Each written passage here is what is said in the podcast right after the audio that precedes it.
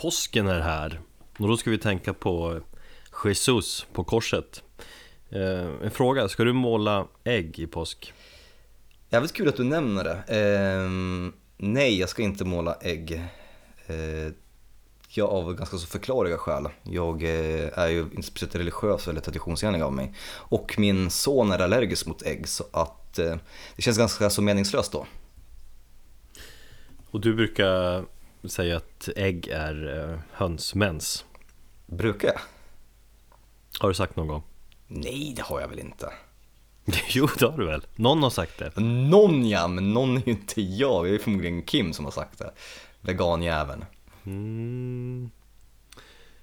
Ja, eller kanske är Fredde som har sagt det Fredde, är det du som har sagt det?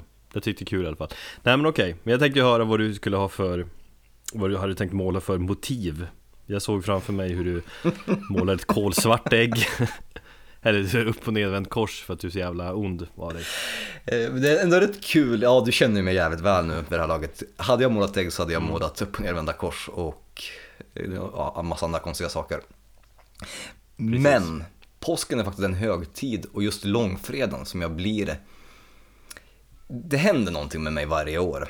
Varje gång påsken kommer igång. Jag blir så lite extra hatisk mot religion under påsken. Ja Och det kommer du säkert Det är inte så att du sitter där på långfredagen och tittar in i en vägg och, och tänker på när han hängde där för våra synders skull Det var ju snack om att jag skulle göra det när jag var barn, men det gjorde jag inte. Mina föräldrar gjorde det, eller de tvingades göra det när de var ungdomar. Det är så jävla coolt ändå att du har den här katolska uppväxten Det är jävligt tufft om du hade varit en, en, en eh, rockstjärna och skrivit din biografi Nu är du inte det, tyvärr Poddstjärna, nej inte ens det. Eh, nej men absolut, ja. Eh, Jag har ju en hel del ganska så speciella historier från min religiösa uppväxt. Eh, som jag faktiskt har velat att ta upp här i podden någon gång framöver. Vi har varit inne lite grann på det tidigare men eh, i sinom tid. Vi får ta det framöver Mm. Men håll utkik på fredag, eh, för det kommer säkert, eh, jag kommer säkert spåra på sociala medier.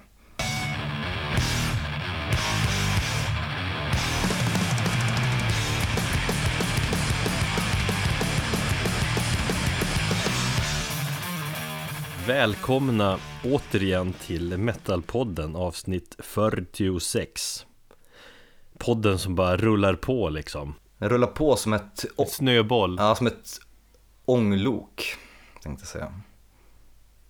Som ett polskt tåg under vintertid, inte som ett SL-tåg. Som aldrig stannar utan bara fortsätter framåt i hög fart. Ja, precis. Coolt. Eh, Sen vill jag ju återigen berätta För det var en tid sen nu tror jag Att vi även finns på sociala medier. Så följ oss gärna där på Instagram, Twitter Eller Facebook. För eh, där har vi ju tävlingar och annat ibland Och det är kul Ja, det kommer komma en tävling ganska så snart igen. mm.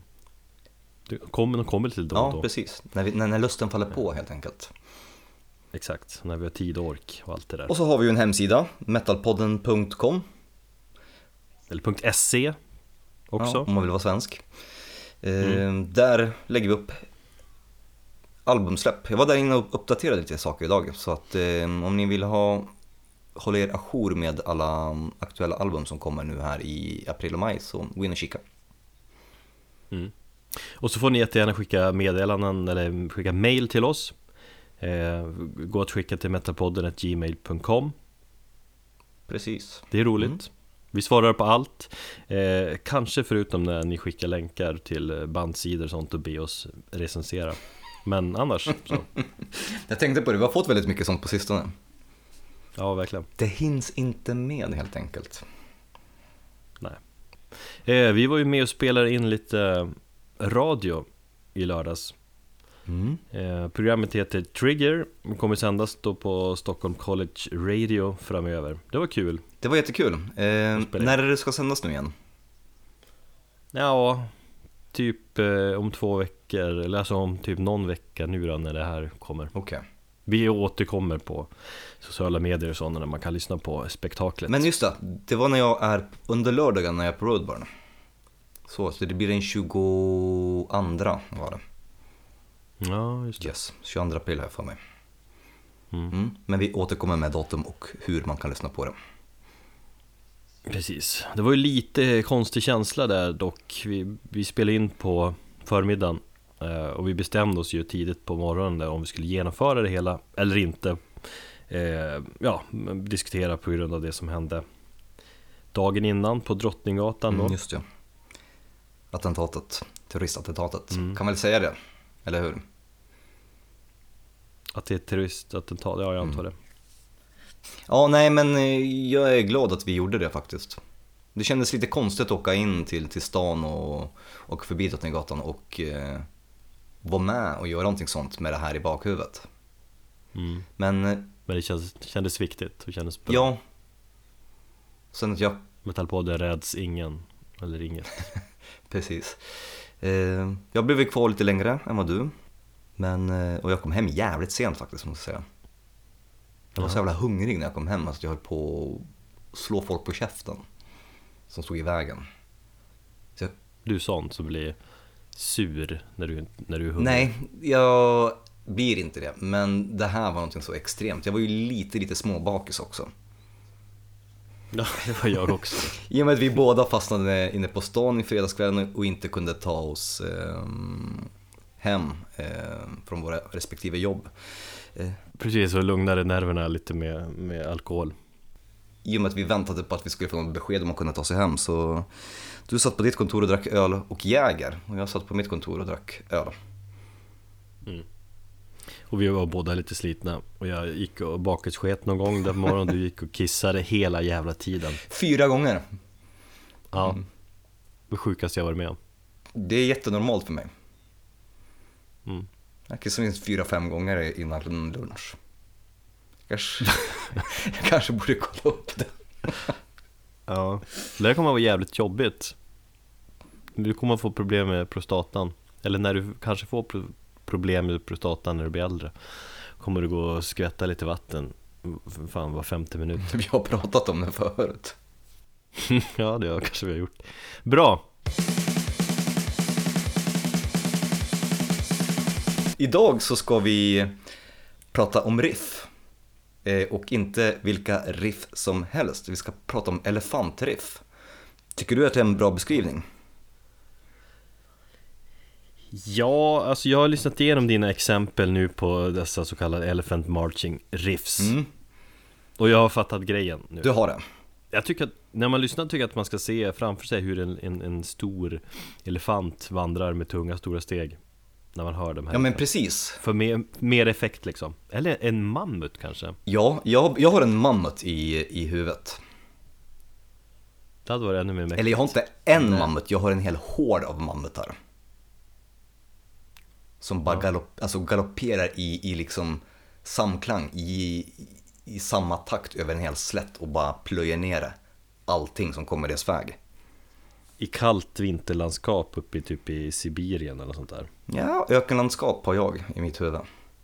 Var inte mammutar i liksom i ka- kalla, kallt, kallt landskap? Det stämmer, det kanske de gör. Fuck. Med päls och grejer. Ja, det är möjligt. Jag har sett för lite Ice Age. Ja. Eh, nej men så här är det. Den här själva Elephant Marching Riff, det begreppet ehm, är ganska så nytt. Jag kom över det, eh, jag tror det var via bloggen Metal Sucks 2011. Själva fenomenet och sättet de här eh, riffen skrivs på, det är rätt gammalt. Det finns liksom tidigt 90-tal, det finns även sent 80-tal, finns exempel på det. Det är bara att jag tror inte att det eller det är inte ett allmänt vedertaget begrepp. Men jag har alltid gillat den här typen av riff och när jag väl kom över, eh, när jag kom i kontakt med begreppet, då var det så här, ah, fan, där har vi någonting, det beskriver den här typen av riff så jäkla bra.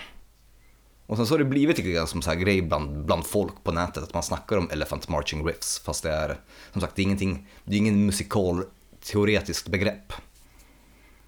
Men nu kommer det bli det, alltså när vi sprider på den här podden också. Ja, Så kommer det bli att folk står där på en, liksom en kväll och lyssnar på Titta på en konsert och så kommer ett sånt här parti och så hör man någon skrika Men helvete vilket bra elefantmarsch-riff Ja.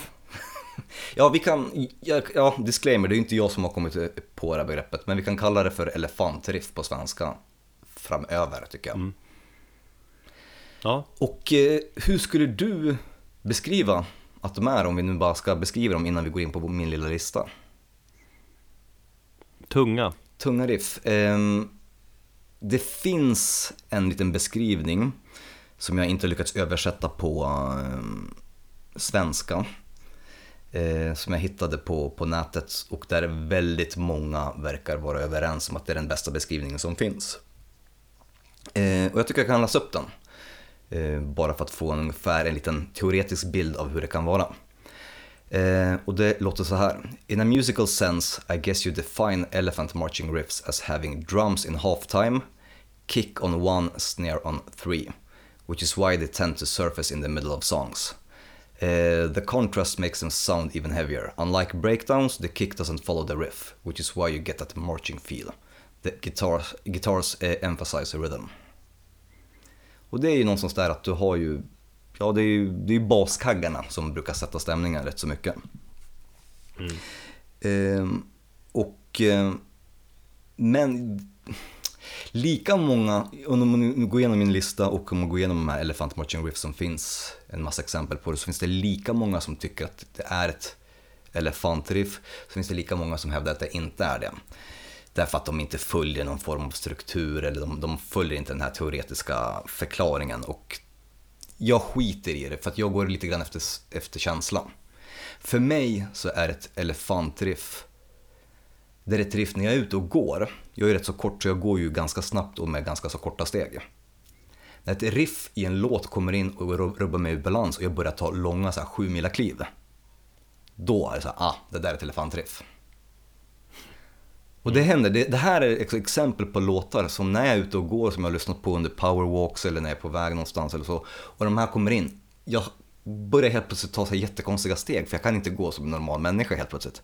Eh, och det är så, det är det jag har gått, gått efter. Så att det kommer finnas lite exempel, det kommer vara snabba baskaggar, det kommer vara långsamma baskaggar, det kommer vara lite annorlunda. Så det finns ingen direkt lo logisk följd förutom själva det är riffen som är de här stora, öppna, liksom episka riffen. Um, och jag skulle kunna säga att det är en topp 10-lista. Mm, de första fem är eh, egentligen mest, har jag mest tagit bara för att visa på olika bredd och på hur de kan låta på olika sätt. Och sen ska jag säga att de sista fem är kanske lite grann av en personlig eh, topplista som jag har. Um, jag är lite besviken att ett av de här riffen inte är med på din topp 5 då utan hamnar på de, de, de, första fem. Jag kommer till vilket riff det är. Jag tror jag vet vilket du menar. Mm. Eh, ja, det är som sagt, man får ta den här listan med en nypa salt. Eh, det är en liten blandning, jag vill bredda den och visa på hur man kan använda dem i olika genrer. Eh, det som... Jag tror man hur som helst får en bra känsla över vad, vad, vad du menar med de här elefantriffen. Mm, precis.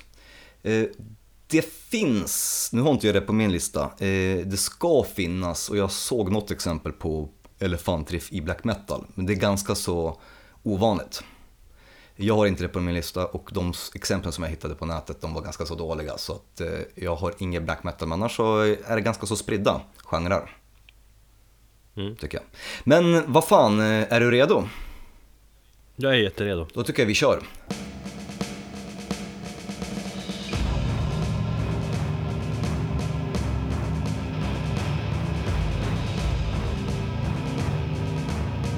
Nummer 10. Gojira, eh, Death of Me från plattan The Link. Eh, den plattan kom 2003.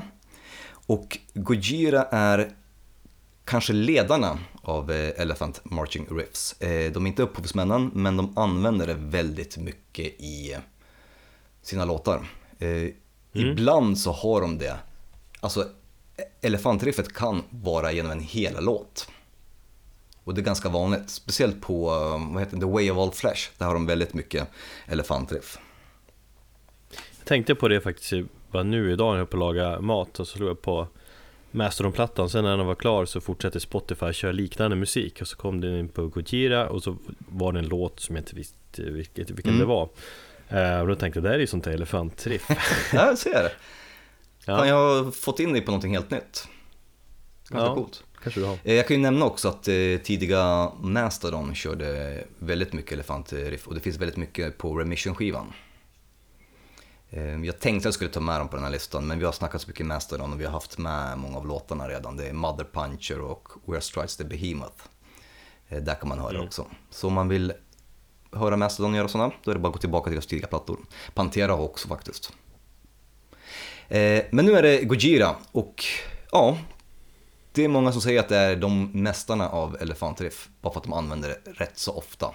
Inte på de nya plattorna, men där i början. Så jag tycker vi lyssnar på den.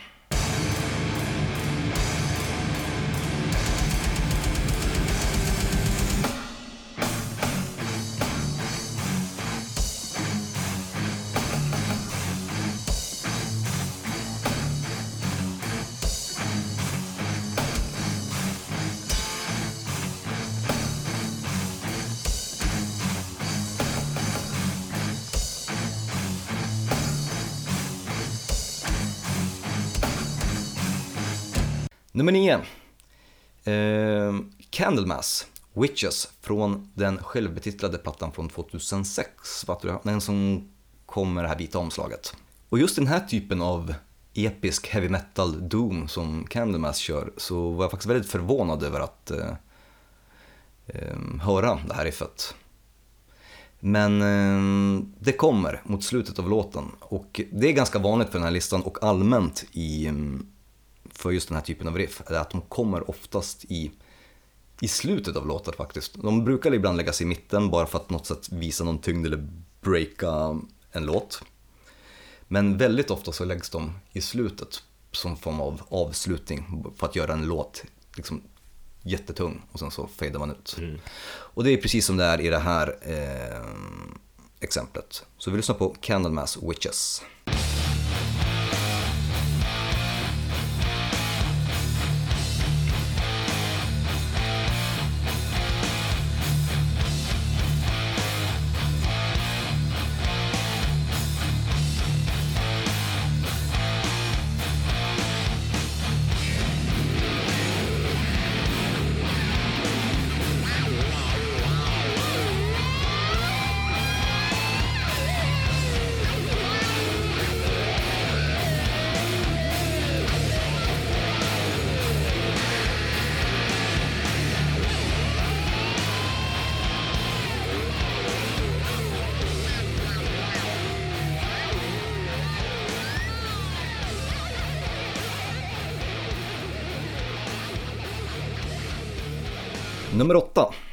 Sepultura, eller Sepultura ska det ju självklart uttalas. Bra, bra.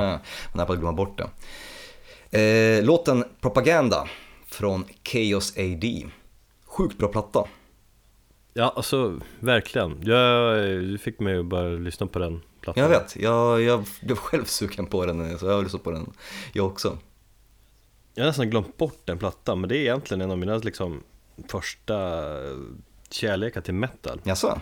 Den plattan. Ja, men jag minns när jag började lyssna mycket på hårdrock och jag och polaren Hampe Vi upptäckte mycket tillsammans och han beställde den från eh, Ginsa Mm. Och då lyssnade vi på den jävligt mycket Där typ 92 eller 93 Mm. 93 tror jag Ja, kom. 93 kommer den. Ehm, Så då plöjde vi den som fan Sen har jag, eller jag har lyssnat på den sen dess Men jag har säkert inte hört den på 10-15 år nästan Mm. Så tack för det Ehm, det fanns faktiskt två låtar på den plattan som jag valde mellan. Det var dels Propaganda och sen så Nomad. Men jag gick för, eh, eller jag valde Propaganda för jag tyckte att den var lite tyngre. Först så är det lite sådär skönt trumfill eller vad man kan säga. Han leker lite grann med, med symboler eh, och sen så kommer de här riffet in. Och sen börjar Igor Calavera skrika. Nej, Max. Igor. Fan, vad heter han? Max, Max. är sångaren och brorsan Igor spelar Så var det, precis. Eh, så Sepultura, propaganda.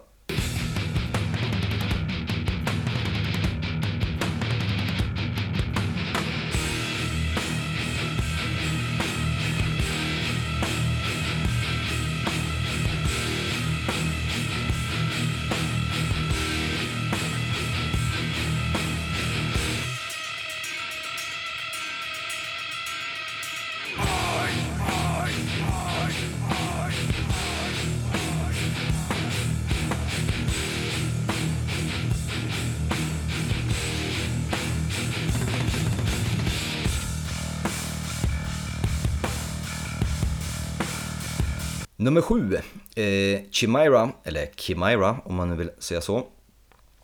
Chimera har jag alltid sagt. Chimera. Ja, jag vet inte. Chimera. Jag har funderat på det där lite grann idag. Ja, men vi är tillbaka på det här med, med uttal. Så jag kommer att få skit för det. Det, vi har, det har vi diskuterat förut också, just det här bandet. Ja, jag vet.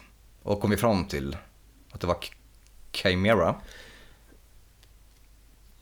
Jag, jag vet inte, jag tror inte vi kom fram till någonting. Mm. Nej, okej. Eh, bandet alltså, metalcore-bandet som var ett ganska så jävla mediokert band innan de släppte sin självbetitlade platta. Och bara totalt från ingenstans så visade de att de kunde göra jävligt bra musik. Och vi har pratat om den plattan, eller hur? Och- Ja, det har vi. Och sen försvann de lite grann igen va? Ja, de släppte, ja. de släppte Resurrection. Eh, Skivan efteråt var fortfarande också rätt så bra för den följde ungefär samma spår. Sen så hade de jättemycket medlemsstrul och jag tror att alla i bandet har hoppat av och det är bara Mark eh, Hunter, sångaren, som är kvar. Just det. det, så det är verkligen så... Själva medlemsrotationen i det bandet har varit alltså, löjliga proportioner. Men eh, i alla fall, den självbe- självbetitlade plattan som kom 2003 med de här trehövdade skeletthuvuden. Ödl. Ja, det är, ja, det är den. Det är den jag tycker är så jävla bra Den, också. mm, ja. Precis. Eh, och det är låten Everything You Love. Och där har vi även ett exempel på hur det här elefantriffet kommer i slutet av låten. Och liksom sätter en extra tyngd för att sedan fejda ut. Eh, och här har vi också ett exempel för att först så är det liksom lite långsammare bastrummor. För att sedan gå in i en liksom dubbeltakt. Och det visar också hur, hur snyggt det kan bli. För först får man den här bilden av elefanterna som marscherar över slätten långsamt och sen så får de upp farten liksom och bara plöjer ner allting. Så vi lyssnar på den.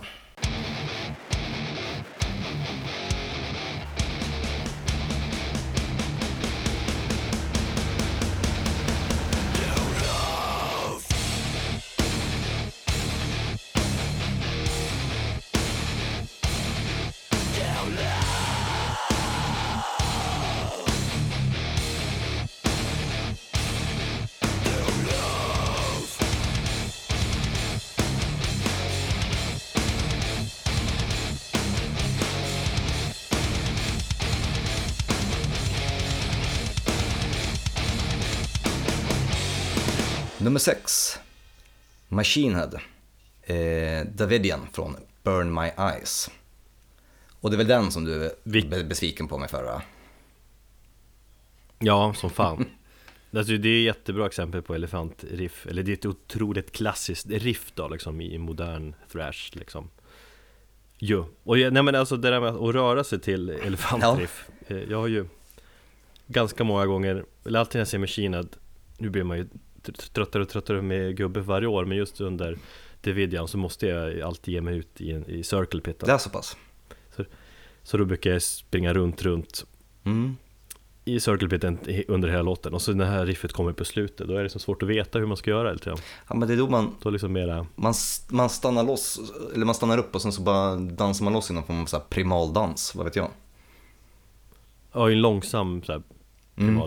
Bredbent och liksom mycket headbangande. Ja, Precis. Eh, nej men anledningen till att jag valde att ha med den i den första topp 5 är att jag ville visa på bredden och jag tycker att det är ett jävligt bra riff. Men om man nu ska utgå från den här listan så har jag kanske gått lite grann efter det som jag tycker är tyngst eller mest klassiskt. Inte nödvändigtvis de bästa. Så den här fyller lite grann en annan funktion. Det är ett jävligt bra riff men jag tycker inte nödvändigtvis det är det tyngsta utan de andra som kommer är lite bättre. Fast ja, whatever. det är ju förbannat, framförallt live kör de ju typ hälften så, så snabbt, alltså det är riktigt långsamt. Så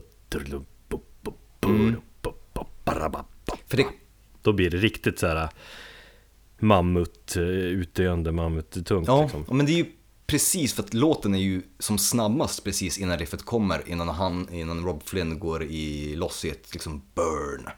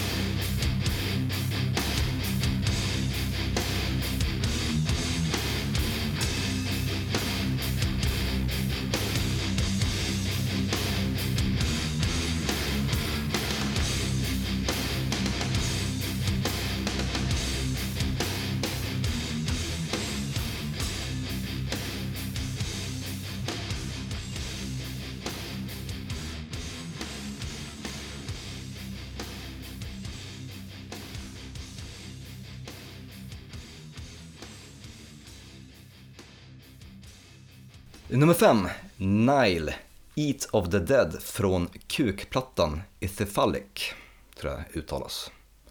Eh, Det är väl en platta som handlar om någon form av egyptisk guds kuk, tror jag.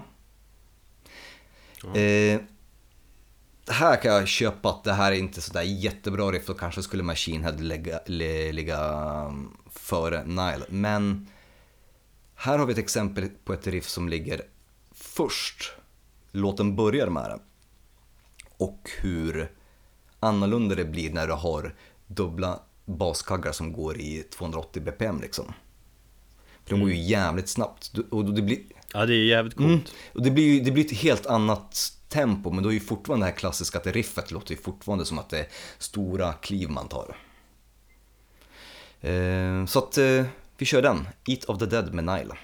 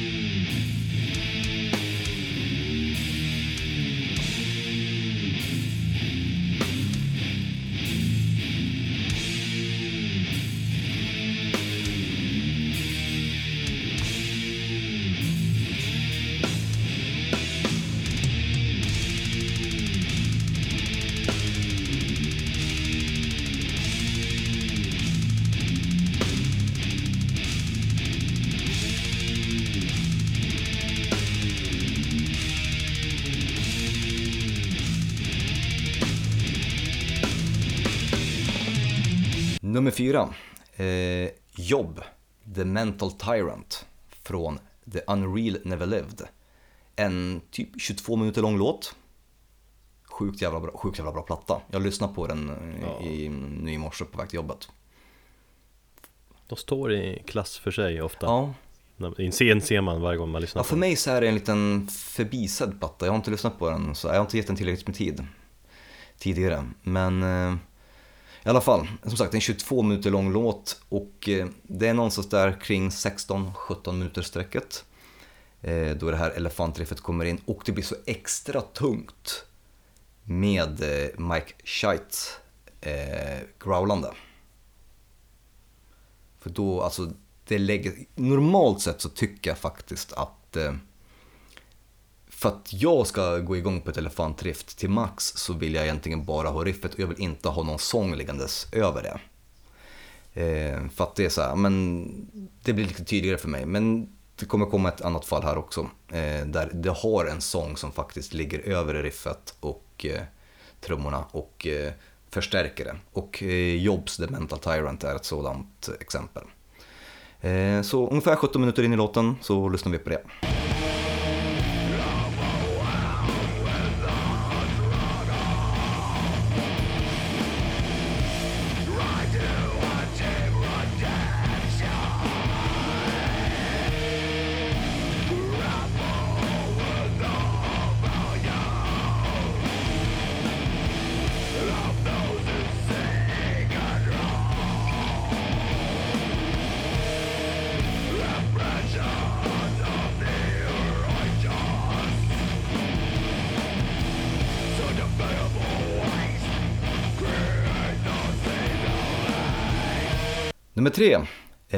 Neurosis, The Doorway från den fantastiska plattan och min favoritplatta Times of Grace. Kanske världens tyngsta album ibland, brukar jag känna. Ja.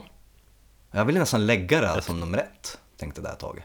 Jag tror att det var under det här riffet som eh, Scott Kellen, jag såg Debaser, eller Neurosis på Debaser eh, för massa år sedan.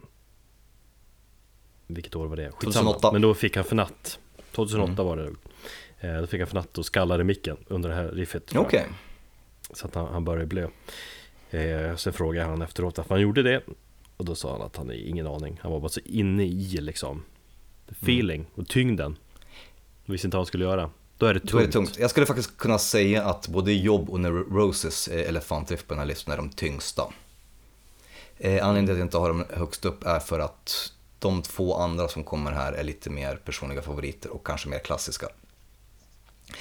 Men just det här äh, elefantriffet på den här låten och så sen riffet som The Doorway öppnar med är så jävla argt och Ja. liksom, tungt riff också. Man tror nästan inte när man hör det här öppningsriffet i den låten att det kan bli tyngre.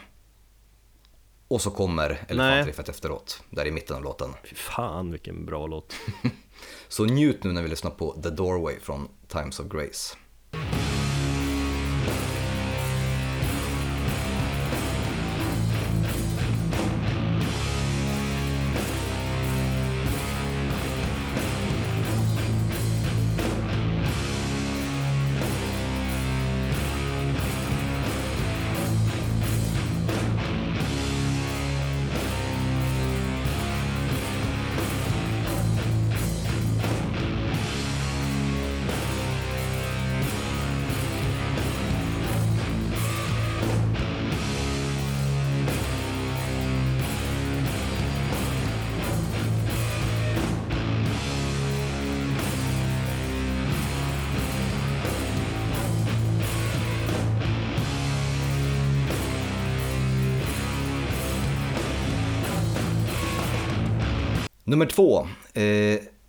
Eternal.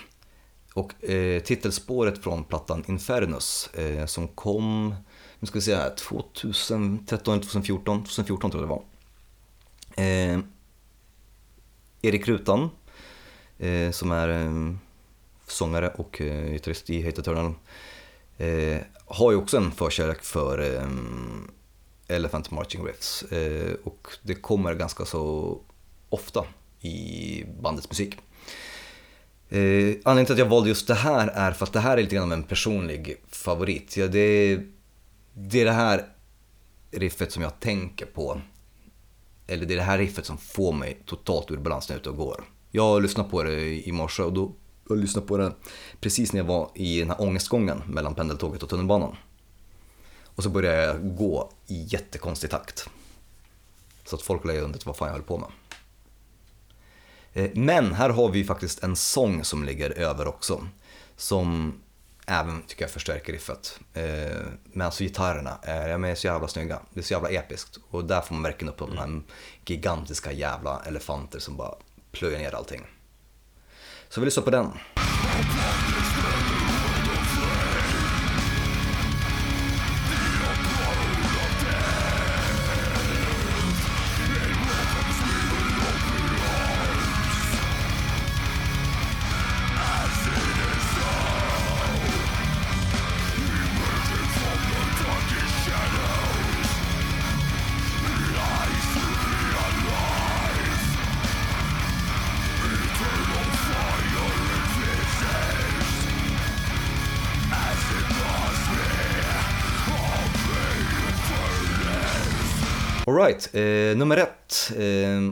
Kanske det mest klassiska elefantriffet som jag kunde i alla fall hitta, eller som jag tycker rent personligen.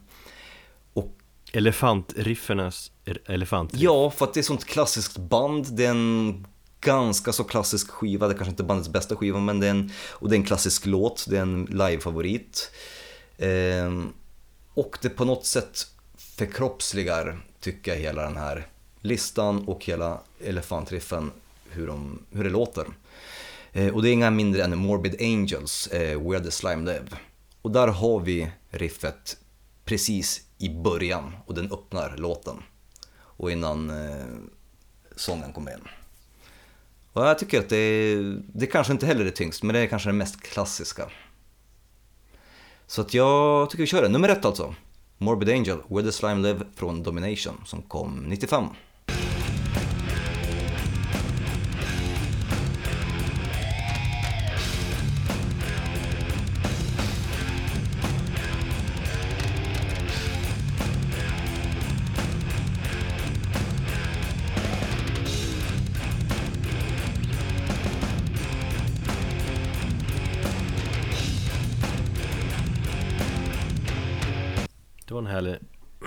Härlig lista. Ja, jag tänkte att jag har ju blivit så... Ja, jag bara känner att jag måste också komma med en lista nu efter alla dina grejer som du har kört nu på sistone. Ja, precis. Då var det din tur. Ja, Det, är, det är ju de här rifflistorna som är roligast att göra också. det var skitkul att göra den här. Eh, Och jag var lite, det, det roliga är ju också att det här är en, en av de första idéerna som kom på för Metalpodden när vi startade förra året. Så att, ja, att Och så och blir inte av det blev nu. inte av förrän nu för att det har aldrig funnits tid och jag bara hade hoppat över det och så tänkte jag så här, äh, jag kommer inte hitta någon elefantriff eh, när jag gjorde den första genomsökningen. Men sen så satte jag mig i det lite grann nu i veckan och, och jag menar min lista som jag hade från början det var ju 30 låtar och jag tänkte, jag ska få ner till fem. Sen bara, nej, jag vill köra en topp 10. Bra, för att det, det kanske är lite tjatigt med att vi alltid kör den här topp Ja. 5 Det är bra med lite. Variation Jag tyckte det var, det var svinkul att, att få göra det. Så jag får helt enkelt ta och fortsätta med roliga listor framöver. yes. Din tur. Jag tänkte köra en nostalgitripp, eller nostalgipepp som du säger Är det tripp? Det är kanske är tripp? Nostalgitrippa? Ja det är en tripp va? Man nostalgitrippar Ja, det är sant. Eller nostalgipeppar Nej, nostalgitrippar. mm.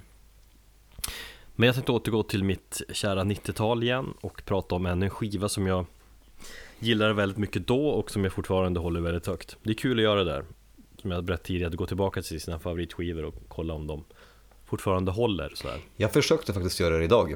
Ehm, Jag hade lite tid över på jobbet och jag kände så att fan, jag har ingen ny musik att lyssna på. Jag kanske ska gå tillbaka till någon gammal platta. Men jag gjorde inte det. Vilken platta valde du då? För att jag kom inte på någonting, det stod helt stilla i huvudet. Så det slutade med att jag lyssnade på eh, Monster Magnet, Power Trip. Vet du varför du inte kom på någon skiva? Nej, För att du inte har någon fysisk skivsamling. Fast jag har ju det, fast den är nedpackad. Ja okej då, för att du inte har en eh, upppackad fysisk skivsamling. Jag kan ju bara gå ner till min eh, CD-samling, den får ju vara nere i källaren där. Fast jag har den ändå i en hylla. Eh, Och då ser man alla skivor där Och då kan man nostalgi, nostalgitrippa utav på helvete till varje skiva nästan Det, du har någonting i, eller ja, det, det stämmer det du säger. Hade jag haft den uppe någonstans så hade jag ju bara kunnat säga hmm, kolla på ryggen på, på, på skivorna och så bara välja ut någonting. Det här är jag sugen på. Men mitt tips är att du gör så att du går ner eller upp till förrådet eller vart fan du nu har skivorna Så plöjer du igenom och kollar vad du har där Och så kommer du få en liksom en Känna lite nostalgi kring någon av de skivorna Som du kan prata om framöver här i Metalpodden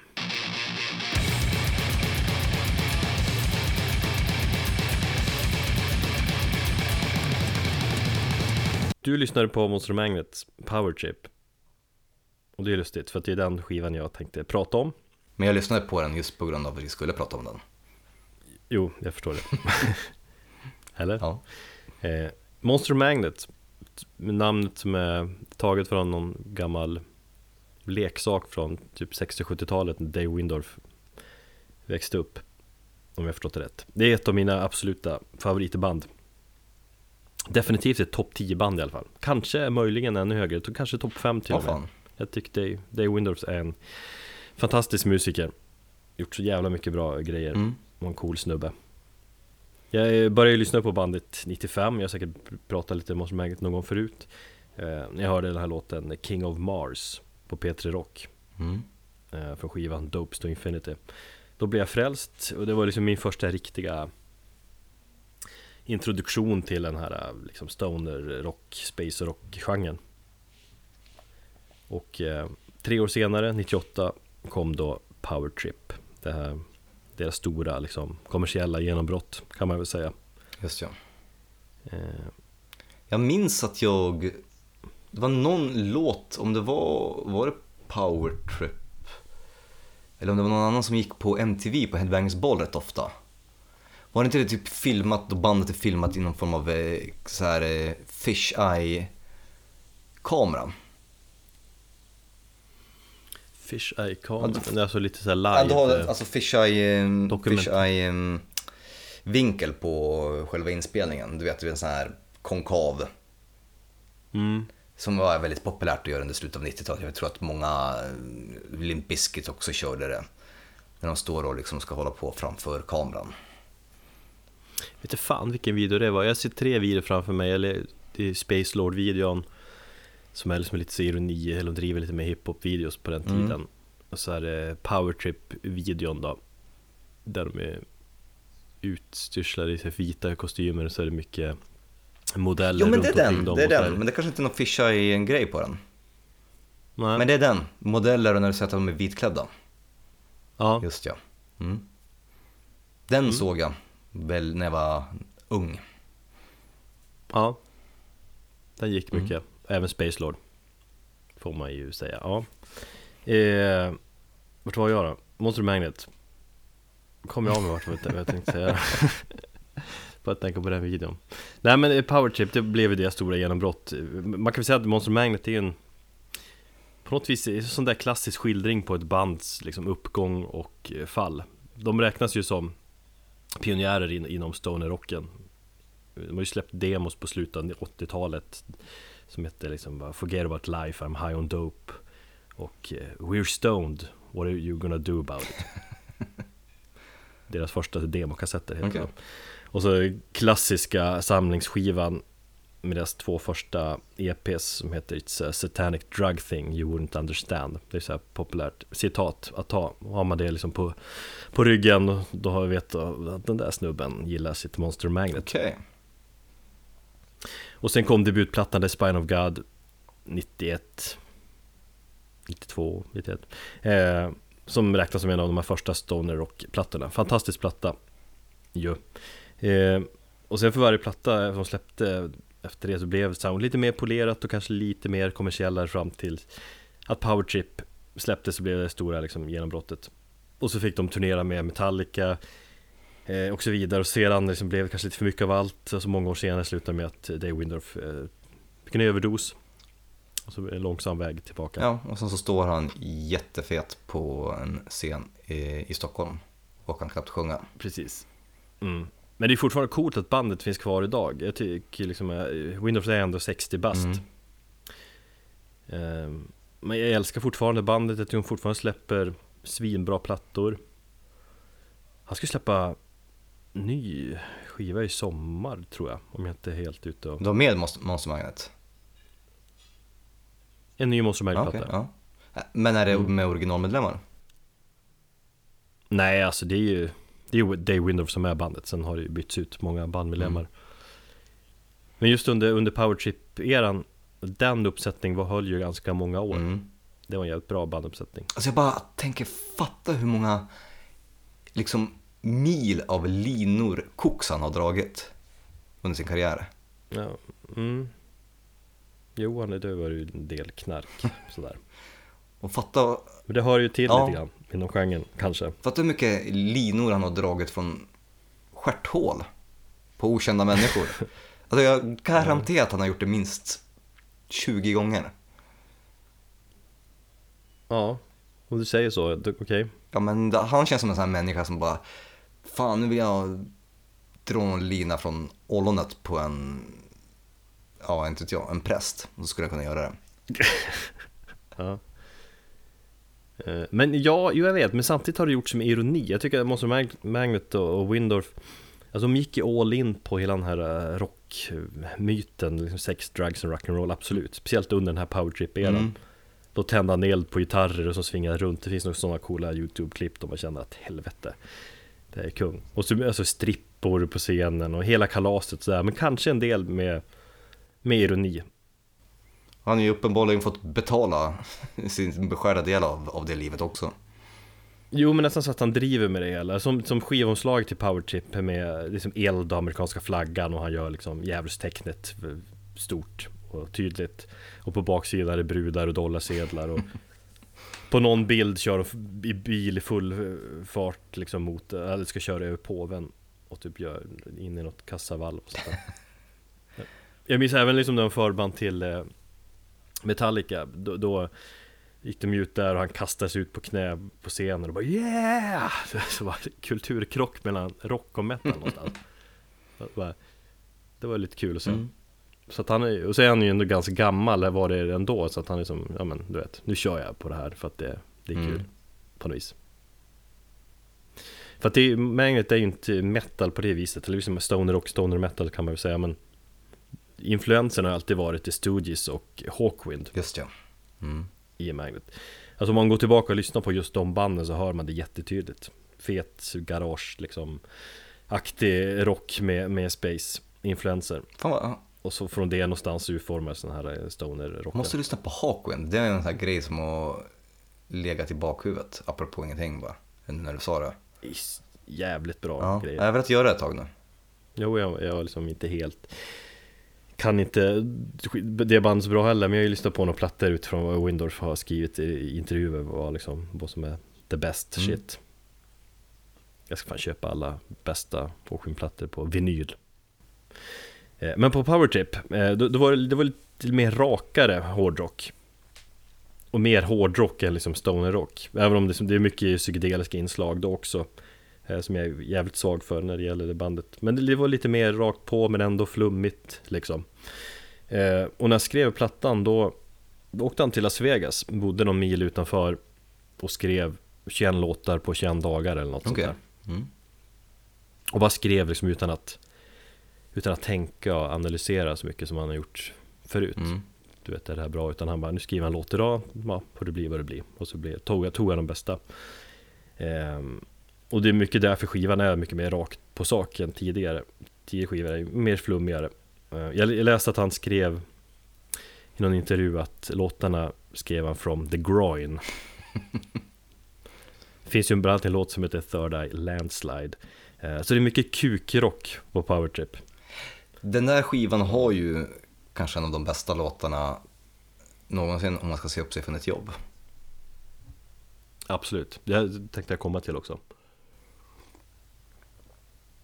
Måste bara dricka lite vatten Nej men så att låttexten är, det är ju jättetydligt influerad av den tiden han bodde där i Las Vegas Och där, så, visst det är mycket själva ytan med, med pengar, knark och strippor och eh, Och det är kvinnostön i, i några låtar och sådär men Låten handlar liksom också om mörkret eh, bakom ytan där i Las Vegas Om hur som han såg. såg men kommer till Vegas, liksom peppar som fan med massa pengar Så spelar de bort allt de äger på några dagar och liksom har förstört deras liv totalt Mm. Eller eh, psykedeliska låten See You In Hell som handlar om någon hippie som han, han träffade på en buss som berättar att hans kvinna hade fått panik och begravt deras barn Alltså sånt där fan. jävla mörkt skit liksom Ja. Sen är han ju en jävel på att fantisera och, och flumma iväg i sina texter Jävligt knarkiga texter liksom Att det inte bara har att göra med att han, liksom, att han knarkat utan bara att han, är, han har en liksom bra fantasi. Mm. Eh, Och det är många så textrader som har fastnat Från den skivan, bland annat då klassiska Power Trip titelspåret eh, i refrängen han sjunger I'm never gonna work another day in my life. The gods told me to relax. Eh, They said I'm gonna be fixed up right. Så jävla Det är snyggt. coolt. Den ultimata när man slutar jobba eller säger upp sig Låten, eller typ när man får sommarlov, semester och så Mm. vidare När man tror att ska, jag ska fan inte jobba mer Det är grym känsla varje fredag så bara fuck you, så ut med mellan fingrarna. Och så bara, du skiter i det här. Och sen på, likväl så är man där på måndag morgon med, med liksom hatten i handen. Men just då på fredagen känns det så jävla Så bra här kommer jag, jag ska fan sätta på den låten när jag stämplar ut på, på torsdag och tar en och en halv veckas semester. Ja, jag ska aldrig jobba mer en dag till i mitt liv den närmsta Ja, veckan och sen så dagen innan man ska tillbaka kommer man ligga där i fosterställning igen och ha ångest. Mm. Yes Några andra exempel på textlåtrader då Eh, So won't you put my dick in plastic and put my brain in a jar Också bra. Ja, Eller Wake up baby cause I'm coming to you from the future. Eller sista jag skrivit upp då. I was born underwater. I dried out in the sun. I started humping volcanoes baby when I was too young. Ja fantasi har han ju gott om. Ja, men det är bra Mm. skit. Men i grunden ett jävligt bra rockalbum. Bra låtar, varierade låtar framförallt. Verkligen så här albumtänk Man blir liksom aldrig uttråkad Och tydligt tema med hela den här Las Vegas atmosfären i, i bakgrunden då Man liksom kan känna lukten av Nej det vet inte. Men typ alkohol och knark och kvinnor och, och liksom allt elände och härligt Lukten av snusk. Lukten av vaginor och sånt där Ja men precis, lukten av, ja, men av sex, när det luktar liksom sex i ett rum. Ja, lite Mm. så kanske Och död och allt blandat. Så det är härligt. Något som också står ut, det är just eh, solgitarristen där Ed Mandel som var eh, ja, solgitarrist i många år. Han är ju tyvärr inte kvar i bandet idag, så jag tycker han saknas som fan. Han får liksom Framförallt på powertrip han briljerar han alltid med, med sitt gitarrspel. Mm. Om man tänker på det så inser man att det är fan bra gitarrer. Så allt som allt, med det här lilla snacket så tycker jag att Powertrip med Monster Magnet är en av de absoluta bästa skivorna från 90-talet. Men hur kommer det sig att du valde just den här låten som vi ska spela? För det var jag faktiskt lite förvånad över. Ja, vi ska avsluta då med att köra en låt såklart. Och, nej men alla har ju hört Space Lord och Powertrip. Okej, okay, ja. Jo, det är sant. Så de spelar vi inte. Utan vi avslutar med kunglåten Tractor istället. Det är för att det är så jävla cool låttitel. jag, jag, jag, Ja, det, jag tyckte just tvärtom, att det var bara så jävla lökigt när jag lyssnade på det som bara, va? Ja men alltså det är faktiskt en, en ny inspelning. De släppte den på den självbetitlade EPn som kom där 1990 mm. tror jag. Eh, och så igen då 98 på Powerchip. Eh, den gamla versionen är ju betydligt råare och knarkigare och sådär. Men nyversionen är också förbannat bra. Han sjunger ju om att köra traktor på knarkfarmen. Och det är liksom jävligt mycket stoner rock i det. Kan jag hålla med om. Och, och så bara under solot där i, med, med polis, sirener och grejer. Mm. Sjukt bra. Och det verkar, det går liksom inte Jag kommer ihåg för massa år sedan försökte vi göra en, en cover på den låten För det är egentligen bara samma riff om och om, om, om det, det går liksom inte att göra det för att Wind of Song, eller han äger så mycket med, eller hans stil hans sångstil liksom. Mm. Ja. Härligt. Det var det. Ja. Då tycker jag att vi avslutar med eh, Monster Magic Tractor och eh... Tack för oss och tack för att ni lyssnar. We love you all. Till nästa gång så ta hand om er.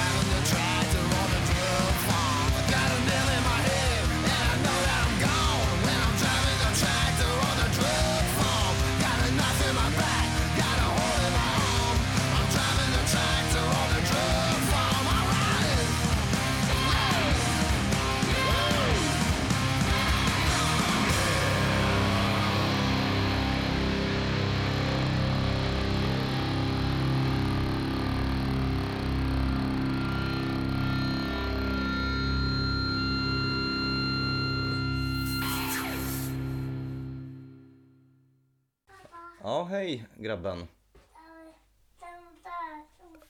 Ja, vad är det du ska ha för någonting?